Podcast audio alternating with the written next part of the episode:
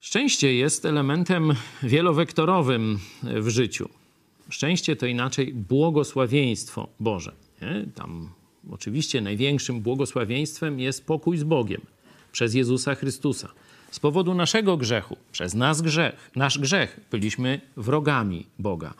Kiedy zawołaliśmy do Chrystusa Jezus, zba, Jezus baw mnie, staliśmy się przyjaciółmi, synami, dziećmi Boga. Mamy na zawsze pokój z Bogiem, największe błogosławieństwo. Życie rodzinne. Pismo mówi, że nawet oglądanie wnuków jest wielkim błogosławieństwem. Oczywiście powodzenie w e, pracy, spożywanie owocu swojej pracy i tak dalej.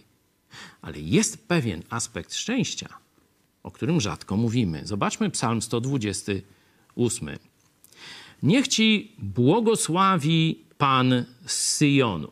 No, dość popularne błogosławieństwo w Izraelu. Ale zobaczcie, jaki ma być skutek tego błogosławieństwa, jaki ma być aspekt szczęścia. Abyś oglądał szczęście Jeruzalemu po wszystkie dni życia swego. Jerozolima to centrum życia religijnego i państwowego, to stolica, czyli pomyślność stolicy oznacza pomyślność państwa. Jednym z aspektów szczęścia, czyli bez niego nie będziesz w pełni szczęśliwy, jest szczęście Twojego narodu, jest powodzenie, rozwój, dobrobyt, sprawiedliwość w Twoim państwie. Tego psalmista życzy.